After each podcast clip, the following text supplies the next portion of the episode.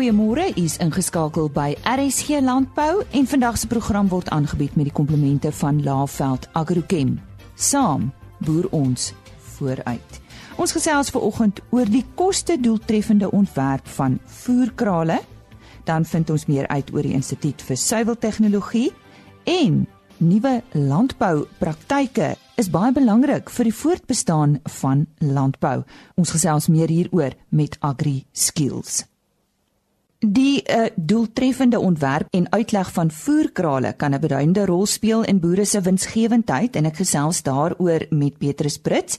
Hy's 'n navorsingsspanbestuurder by die Landbou Navorsingsraad se Instituut vir Landbou Ingenieurswese en hy praat oor die koste doeltreffende ontwerp van voerkrale. Petrus, lekker om met jou te gesels. Baie dankie vir jou tyd vanoggend. Sê vir ons, wat is beesvoerkrale? Uh, Môre Lise, uh, in 'n voerkraal word 'n vleisbees uh uit krippe uitgevoer. Hy word in 'n kraal gehou uh in 'n klein area. So die beeste hoef nie buite in die veld te gaan stap en wy nie.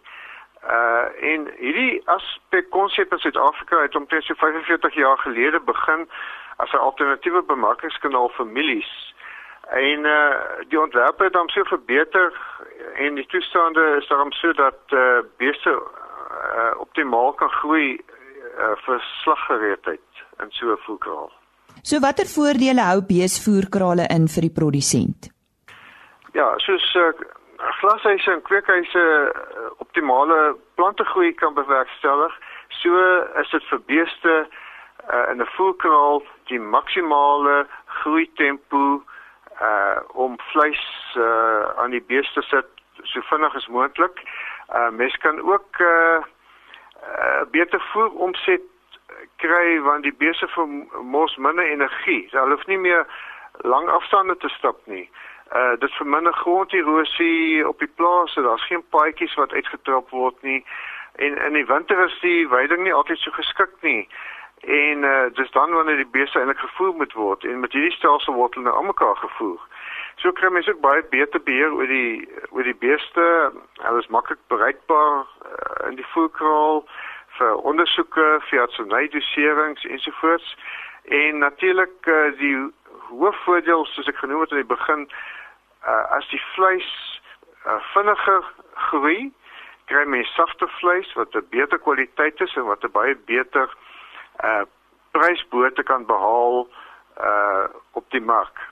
En dis ook goed as die produsent vir hom 'n uh, 'n naam gee soos in Engels sê branding uh om te sê wat is die beste uh vleis in die Vrystaat, jy weet met jou spesifieke naam, beef wat ek al, jy sien? Is daar enige moderne tegnologie beskikbaar sodat die produsent meer wins kan maak? Ja, Lise, ehm um, die belangrike woord hier is die voer omsetsverhouding. Uh vir 'n bees is dit omtrent 4.5 kg, uh, 4.5 keer. Dit beteken om 1 kg uh, vleis aan te sit, sal hy 4.5 kg uh voer vreet. Maar dit kan opgaan tot 7 uh kilogram voer vir elke kilogram vleis wat nie goeie winsgewendheid is nie. So om dit te kan bewerkstellig is natuurlik die regte voer uh wetenskaplike uh mengsel van die voer en natuurlik ook omgewingstoestande is ook baie belangrik. Uh die voorsiening van skadu. Dis nog bietjie onbenut onderbenut in Suid-Afrika, maar in die FSA is dit be bewys dat uh, skadu voorsiening markgereedheid uh, met tussen 7 tot 20 dae kan vervroeg. Uh want beeste wat te warm kry vermors energie in die sweetproses. Uh nou aangesien voerkoste ongeveer 60% van die totale koste is vir die boer, sal enige besparing in energie en dis ook die voer sinvol wees. Uh dan is daar ander tegnieke om die hantering van die beeste te verminder. Uh mens ons praat van radio radiofrekwensie identifiseringstegnologie uh wat dan weet wat 'n bees is dit en wat vir hom dan die regte hoeveelheid voer kan gee. Daar's ook minder stres uh, want uh as al die die uh, die beeste nou elektronies uh met elektroniese hekke beheer kan word, dan is daar minder geskree op die beeste Uh daar's minder kans vir beserings, alsoos rustiger en daar's minder melksuur in die spiere vir die beeste en wat ook vir jou beter vleiskwaliteit tot gevolg het. Nou as 'n produsent nou wil oorskakel na voerkrale toe, is daar enige risiko's om oorbekommerd te wees? Ja, mens moet onthou uh dat in 'n voerkraal kan die beeste nie self rondloop en en uh vir sy kos gaan soek nie. So uh, daar moet groot hoeveelhede voer ekonomies na die voerkraal vervoer kan word. Daar moet voldoende water wees uh vir 'n paar dae in geval daar kragonderbreking is.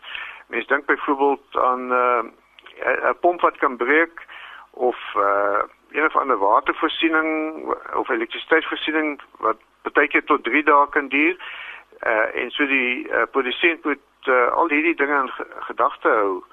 Uh en natuurlik 'n ander aspek is ook mense wil ook nie dan die die die beeste te ver vervoer nie.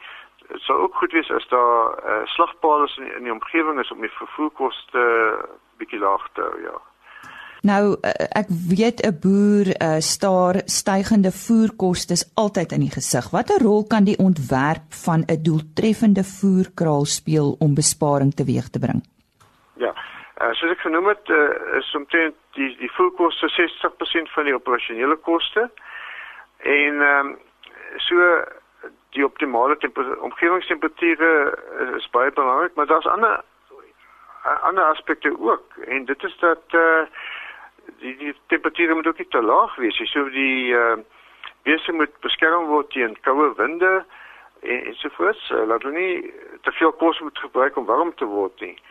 En uh so hierdie aspekte is baie belangrik dat die dier so kort as moontlik gehou kan word om so vinnig as moontlik by sy slagmassa uit te kom.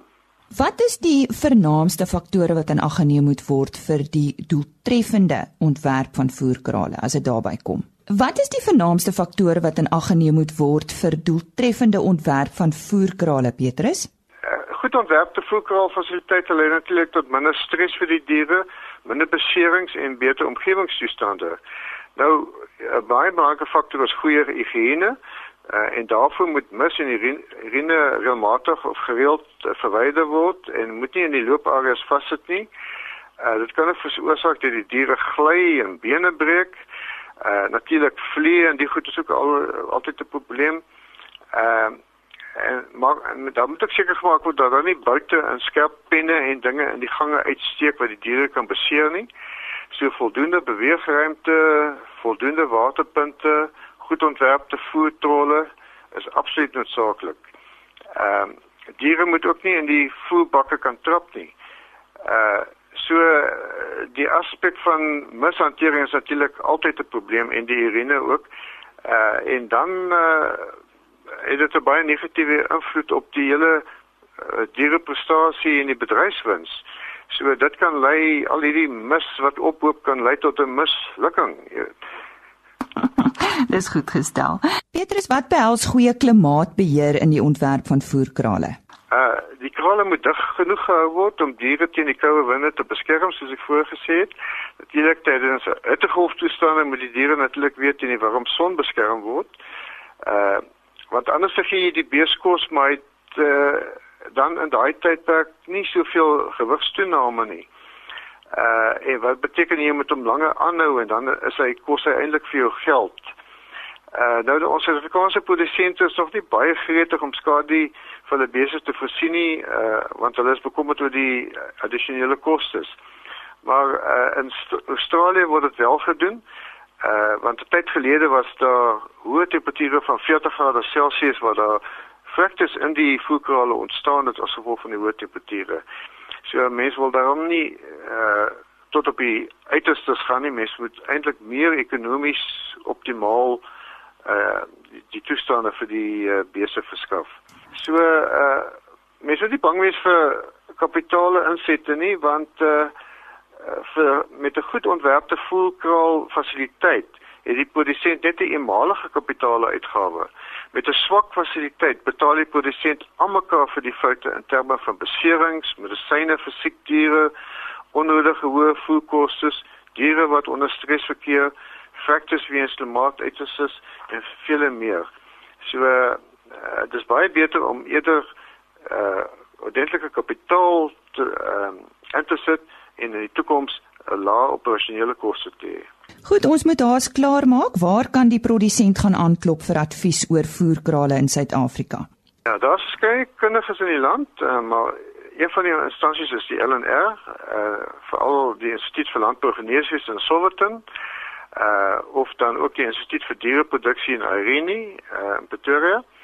Uh maar hulle kan my skakel of e-posadres uh is britsbj by arc.agric.za, brits met 'n z. Uh en dan sal ek ook afhangende van die uh, navraag uh as dit 'n genees aspek is, ons dit hanteer. As dit uiteindelik oor die diere gaan, sal ek u verwys na ons diereproduksie instituut. Ek het daar gesels met Petrus Brits. Hy is die navorsingsspanbestuurder by die LNR se Instituut vir Landbou-ingenieurswese. Die nuwe wolseisoen het geopen en vir die nuutste verslag Jolandi Rood. Die wolmark open die seisoen met 'n spoed en die Cape Wools Merino aanwyser styg met 'n fenominale 19,8% en 336 punte om te sluit teen 'n waarde van R183.50 per kilogram verskoon wol. Dit is 4,3% hoër as die ooreenkomstige veiling van die vorige seisoen. Die Australiese EMI het met 8,8% toegeneem. Die Cape Wools alle wol aanwyser verhoog met 19,8%. Handelaars skryf die byprestasie toe aan 'n sterk vraag vir goeie gehalte lang Suid-Afrikaanse merino wol van veral uit China, Indië en die Tsjechiese Republiek waar volgehoue verbruikers se vraag na wolkleedstof ondervind word. Altesaam 97,6% van die 13800 bale wat op die veiling aangebied het, is verkoop. Die grootste kopers op die veiling was Modiano, Standard Wool SA, Lemprere SA en Tiano Suid-Afrika. Die gemiddelde skoonwolpryse vir die seleksie binne die verskillende mikron kategorieë, goeie langkamwol tipes was soos volg: 18,0 mikron styg met 9,3% en sluit teen R223,59 per kilogram.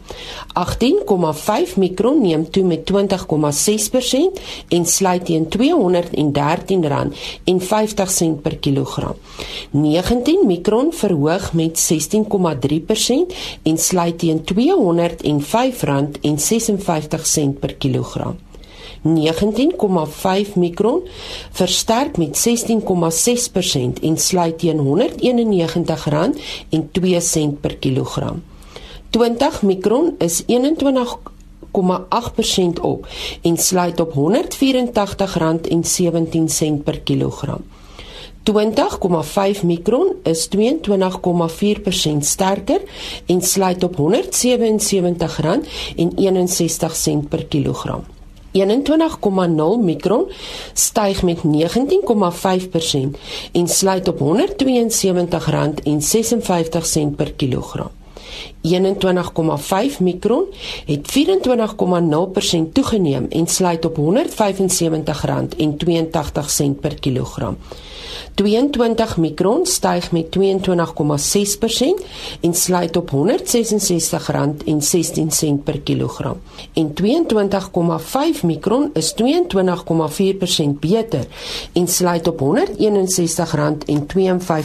per kilogram. Die volgende veiling vind op 23 Augustus plaas wanneer 8398 bale aangebied sal word. Dit was dan Jolandi Rood met die eerste wolmark verslag van die nuwe seisoen. Ons uh, gesels vanoggend met Irene Pfeiffer. Sy is uh, bestuurder by die Instituut vir Suiwel Tegnologie en uh, dit is 'n deel van die melkprodusente organisasie. Uh die instituut wat wat is die funksie van die instituut Irene? Die instituut fokus op die opleiding van die plaaswerkers van die kommersiële boer, asook die werkers van die opkomende boer en die opkomende boer self. En die programme wat julle aanbied tans? Daar's 'n verskeidenheid programme. Ons bied eerstens die vaardigheidsontwikkelingsprogramme aan wat Agriseta geakkrediteerde programme is. Um ons konsentreer veral op die de, die suiwel tegniese opleiding wat dan nou um insluit jou uh suiwelproduksie, kunsmatige inseminasie, dieregesondheid, trekkeropleiding, um die algemene hantering van diere en dan is ook daar ander programme soos um sosio-ekonomiese bemagtiging en um jou HIV AIDS en uh social wellness programme. En, en julle maak dit maak dit op plaaswerkers. Ja, dit is op plaaswerkers gebuk en dan het ons ook die um suiwel 'n beroepskwalifikasie. Hierdie kwalifikasie is op 3 vlakke. Die eerste vlak is die plaaswerkersvlak en dan die tweede vlak die toesighouersvlak en laastens die ehm um, bestuurdersvlak. Die ehm um, die kwalifikasie dek alle dissiplines van die suiwelbedryf wat nodig is. Die kursus ehm um, omsluit 'n kenniskomponent ehm um, wat die instrukteurs hulle aanbied op die plaas, dan ook 'n praktiese komponent en dan moet die student ook 'n werksondervinding opkry voordat hy hierdie kwalifikasie kan kry en dan word die dit ook geassesseer op die einde deur 'n eksterne evalueerder van die MPO. En, en die befondsing van die projek? Ehm um, al ons projekte word befonds deur Melk SA en dan kry ons ook befondsing van Agriseta wat diskresionêre befondsing is wat ehm um, bydraes is wat deur die boere self is wat deur hulle ehm um, skills development levies bygedra word en dan kry ons ook ehm um, befondsing van ehm um, projekte soos byvoorbeeld 'n projek wat deel is van die ehm um, job fund. En en hoe is die belangstelling Helene? Die belangstelling is baie groot want die behoefte is baie groot. En ehm um, die MPO se instituut is die suiwel opleier in die in die dairy bedryf. En ehm um, die boere skakel um, ons by die MPO, hulle skeduleer die kursusse. Die kursusse word oor 'n tydperk van 'n week aangebied en dit sluit dan in die prakties en die teoretiese fase. Ons verwag dan wel van die boer om op te tree as 'n mentor um, nadat die opleiding aangebied is om te monitor of alles wat tydens die opleiding geleer is of dit wel toegepas kan word of en of dit toegepas word en dat hy dit ook dan vir ons afteken dat die opleiding wel suksesvol was en of daar enige leemtes is en dan spreek ons dit weer aan. Ja, in 'n sekere sin is die uh, die suiwerbedryf taamlik gesofistikeerd wat betref die aksies en die uh, die bedryf daarvan, né? Verseker en daarom is die opleiding baie belangrik want hulle het spesifiek hierdie tegniese opleiding nodig. En en beurse word die, die studente bygestaan met beurse? Ehm um, die NPO konsentreer daarop om vir om studente te help. Daar is jaarliks kry ons 'n geweldige hoeveelheid aansoeke um, van studente wat praktiese ondervinding benodig op 'n melkplaas vir 'n tydperk van of 6 maande of 'n jaar. Ons help dan daai studente om beurse te kry. Um, ons ontvang wel beurse van Agriseta en ons keer die studente en ons plaas hulle dan uit by melkbore wat bereid is om as mentors op te tree vir hierdie studente. Hoe weet julle wat om aan te bied?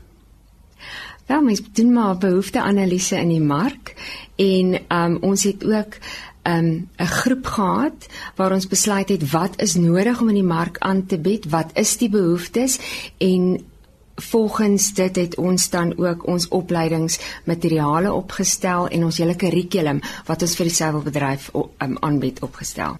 Nou as mense vanoggend luister, met wie moet hulle in verbinding tree? Hulle kan eers na ons webbladsy gaan wat www www.mpo.co.za is. Hulle kan my skakel Helene Pfeifer um, by 0795281394 of hulle kan die MPO skakel en vir Jas Wasserman vra of vir Chantel Joubert wat dan sal help met die skedulering van die kursus.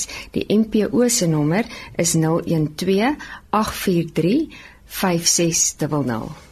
Die NPO nooi die seilboere uit om hulle kuddebestuurders of aspirant kuddebestuurders na ehm um, die kuddebestuurders kursusse te stuur. Hierdie kursusse word aangebied by die Sedara Landbou College in ehm um, KwaZulu-Natal. Die eerste kursus van die 14de tot die 18de Augustus en dit is die seil produksiebestuurskursus dan die 9de tot die 13de Oktober die sakebestuurskursus en dan 30 Oktober tot 3 November die weidingsbestuurskursus wat alles by Soudara aangebied word en hulle kan weer eens dan ook net vir my skakel om te registreer vir die kursus. Melk SA borg hierdie kursus vir die um, kurbestuurders.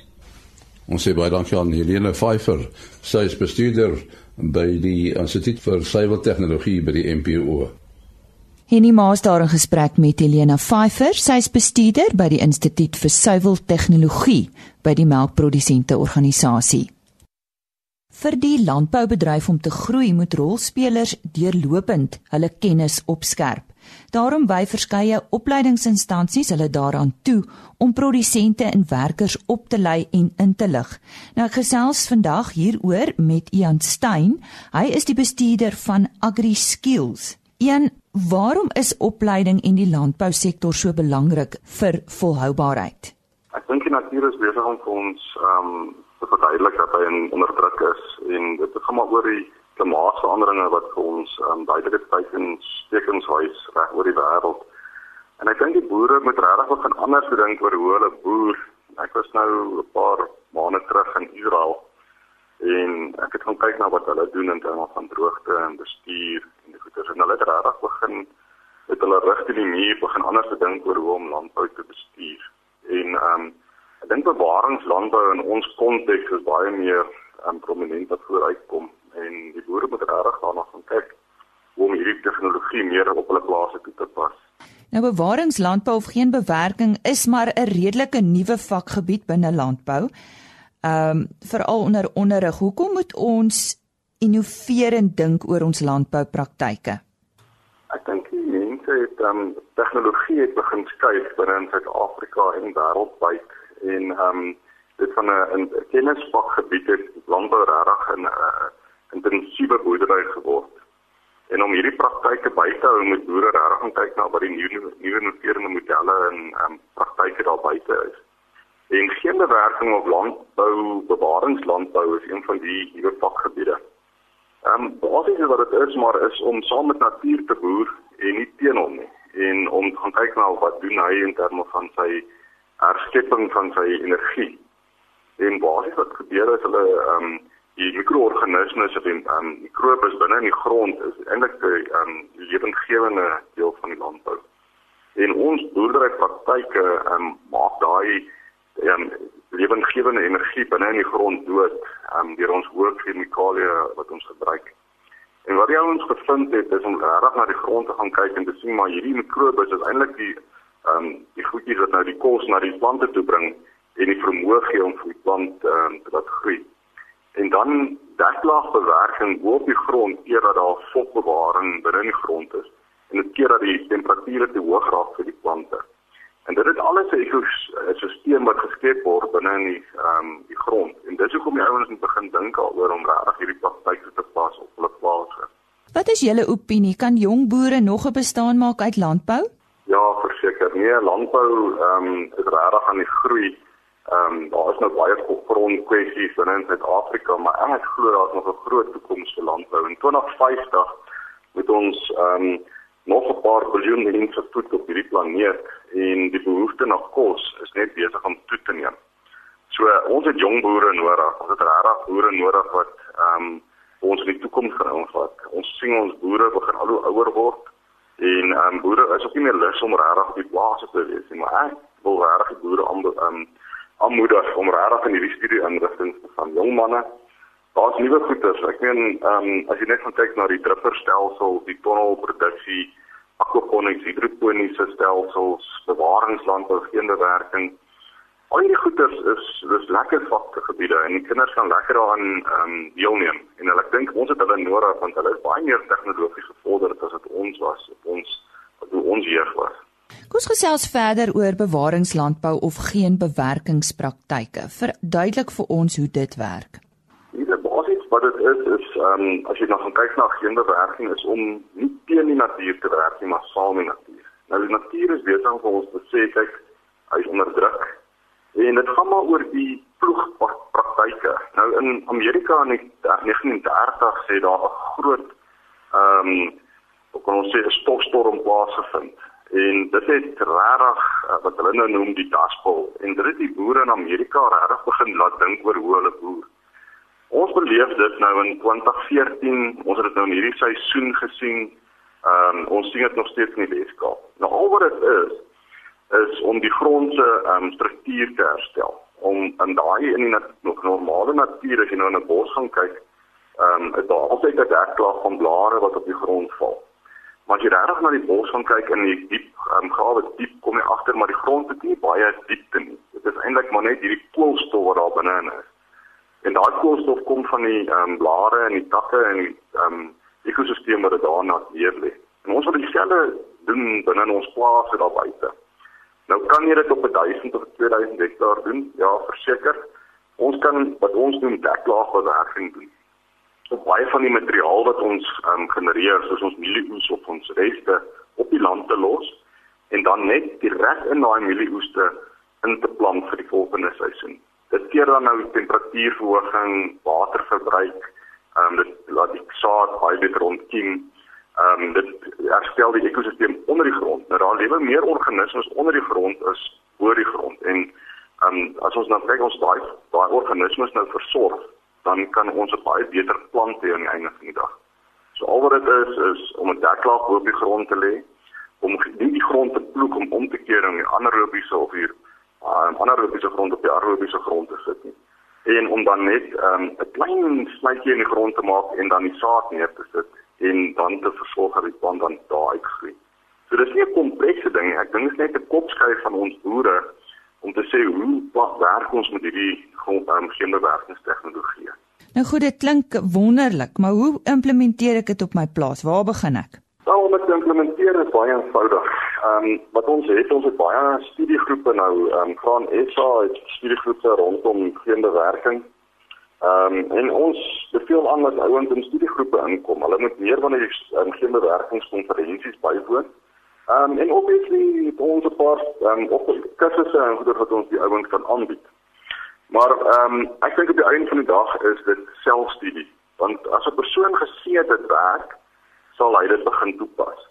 En hy kan dit op sy plaas 'n proefloop begin neem en sê 'n sekere land uitsit en sê maar hierdie land gaan ek op 'n geen bewerkingspraktyke toepas. 'n deel van die land net bewerk en in proewe en studies doen saam met vriende wat in die omgewing is en dan te sien werk dit vir hulle. Maar 'n ander ding wat hulle kan doen is om ehm um, meer saad binne in die land te gooi na bewerking en dat daar weer 'n ekosisteem groei soos wat ons noem cover crop. Nou hierdie cover crop maak vir jou grond ehm um, dat die mikrobes met altyd 'n groen wortel hê of 'n groen um, medium hê om te groei. So daar's baie metodes om dit op by te bring. Maar studiegroepe selfstudie en te gaan leer by ouens is hoe ons dit gaan aanpak. Nou iets wat al hoe meer kosbaar raak en dit is water. En landbou is nou maar 'n groot gebruiker van water. Hoe kan ek as boer die water meer optimaal benut om volhoubaar te boer? Wel, eers moet ons kyk na ehm um, hoeveel water ons. Het 'n groot gebruikers van water in terme van spulpunte en drupperstelsels en die besproeiings ehm um, gedeelte van Suid-Afrika. Nou as ek tipies toe ek nou in Israel was, het ons gaan um, kyk na hulle waterverbruik. Maar hulle weet, hulle kan vir jou presies sê hoeveel water per streek gebruik word. Selfs hulle afvalwater word hergebruik en teruggestuur na die ehm um, na die plase toe. So al die afvalwater wat in stede geproduseer word, word gevang, ehm um, verwerk, skoongemaak en dan word dit met pyplyne na die boere toe gesprei. Die ander ding wat hulle ook baie goed is, Hulle kan vir jou ehm um, uit seewater uit, dit dan hulle varswater of ehm um, soutwater gebruik. En hierdie soutwater wat dan uit ehm um, reverses Moses skoongemaak word, kan hulle dan hergebruik op plase. So ek dink as ons gaan kyk na watergebruik binne Suid-Afrika, moet ons baie nader kom aan hoeveel water het ons, wat voor gebruik ons dit en hoe kan ons dit moniteer om dit beter te kan gebruik. Nou drupperstelsels, ehm um, die goeders wat ehm um, ehm um, wat nou in Israel baie gebruik word is baie ehm um, voordelig vir ons. Ons in Kaapstad en hierdie plekke gebruik ons dit al reeds. Maar hulle sit nog steeds met 'n 'n 'n minimum water wat hulle daarmee ehm um, sit. Ek hoe veel uit. En ek sal sê as hulle nou regtig wil hulle self in moeilikheid uitkry, moet hulle kyk na ehm um, wateraanlegte wat soutwater gebruik en dan beter kan aanwend in Suid-Afrika. Die stem daarvan Ian Stein, hy is bestuurder van AgriSkills. Môreoggend op RSG Landbou gesels ons onder andere met Dan Kriek, voorsitter van Vrystaat Landbou, oor die aanbieding wat hy tydens hulle kongres gedoen het. Ons eh, gesels ook oor risobakterieë in grond. Ja, daar is so iets, so moenie daardie onderhoud misloop nie. Ons gesels ook met 'n landboukundige oor canola. Vandag se RC landbou program is aangebied met die komplemente van Laveld Agrochem. Saam boer ons vooruit. Tot môreoggend om 05:30. Totsiens. RSG Landbou is 'n produksie van Blast Publishing. Produksieregisseur Henny Maas. Aanbieding Lisa Roberts en 'n notas koördineerder Jolande Rooi.